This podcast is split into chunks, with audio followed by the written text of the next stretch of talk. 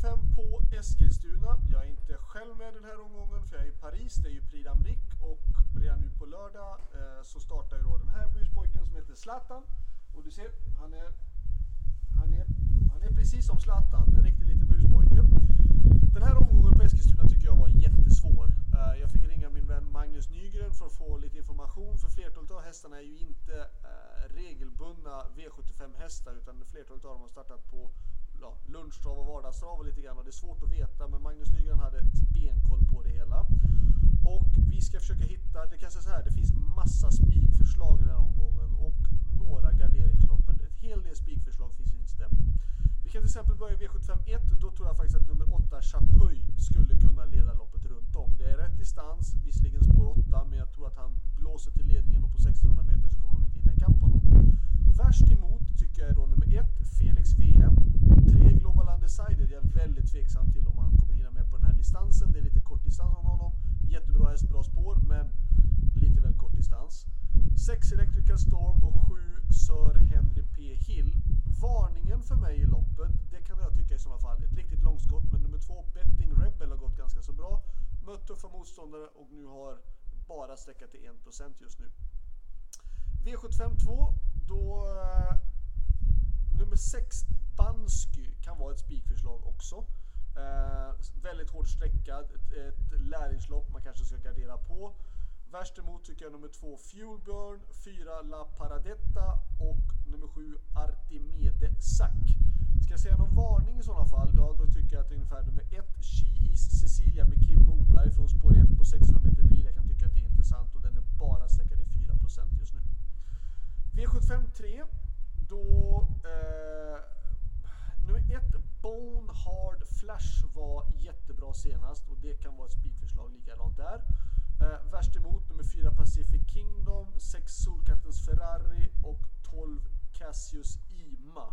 Varningen tycker jag intressantast i sådana fall nummer 11 Boykott. Ulf Olsson hoppar upp, visserligen ett dåligt utgångsläge men på en lång distans och bara i 3% just nu fredag kväll. V75 4, då är det nummer 1 Hazard Boko som jag tror kommer kunna leda det här loppet runt om.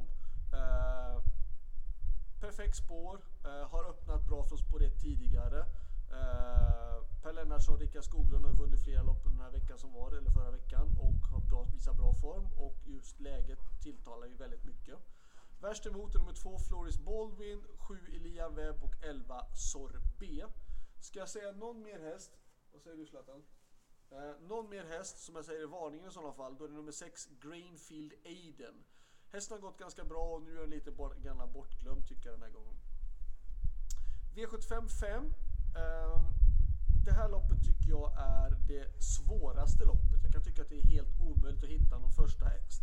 Det här loppet ska man gardera på. 1 Västerbo Highscore, 2 Dominic Vibb, 4 Opalis, 6 Aptomi, 9 Phoenix Photo och 12 DD Star. Där bakom någon varning, ja det är helt omöjligt att säga för att alla som, de hästarna som jag inte har valt, de står mellan 0 och 2 procent och det är vem utav dem är bäst och sämst utav det här, det är jättesvårt att veta. Så att eh, V755 är ett ordentligt garderingslopp. V75 6, eh, det kan vara så att nummer 3 Harvard Student leder det här loppet runt om. Eh, värsta motståndaren har bakspår och det blir ju ändå några meters tillägg helt enkelt tack vare det. Och skulle Harvard Student blåsa till ledningen, ja då kan det vara svårt att hämta den. 8 eh, Hellova Am, 11 Santis Delicious och 14 Havanna Boko är de som är värst emot. Eh, själv har jag med nummer 4 Legendaria Zon. Hon känns bra men hon måste ha en perfekt resa för att hon ska kunna utmana. Om jag ska nämna en varning i loppet då tycker jag att från 20 minuters tillägg så har då nummer 12 Lyx Håleryd inte blivit alltför mycket nämnd i tipsen. Jag tycker Lyx Håleryd har gått bra eh, utan att få sätta nosen först och har varit hårt betrodd också många gånger. Det kan vara så att den kanske smäller till den här gången och till just nu då 4% kan jag tycka att det är intressant. V75 7 eh, ett spikförslag på nummer 4 Tulli Bardine Bow. Hästen har ju varit då jättebra. Eh, tyvärr gjorde bort sig på Axvalla, men eh, det är en fantastiskt bra häst och det intressanta är så att det faktiskt inte står att den ska använda amerikansk vagn den här gången plus att den har ett bra spår på bra distans. Så att fyra Tullibardin Bo kan vara ett spikförslag. Värst emot då är nummer tre Ole eller nummer fem Josef Boko. Eh, ska vi nämna en varning i det här loppet i sådana fall. Eh,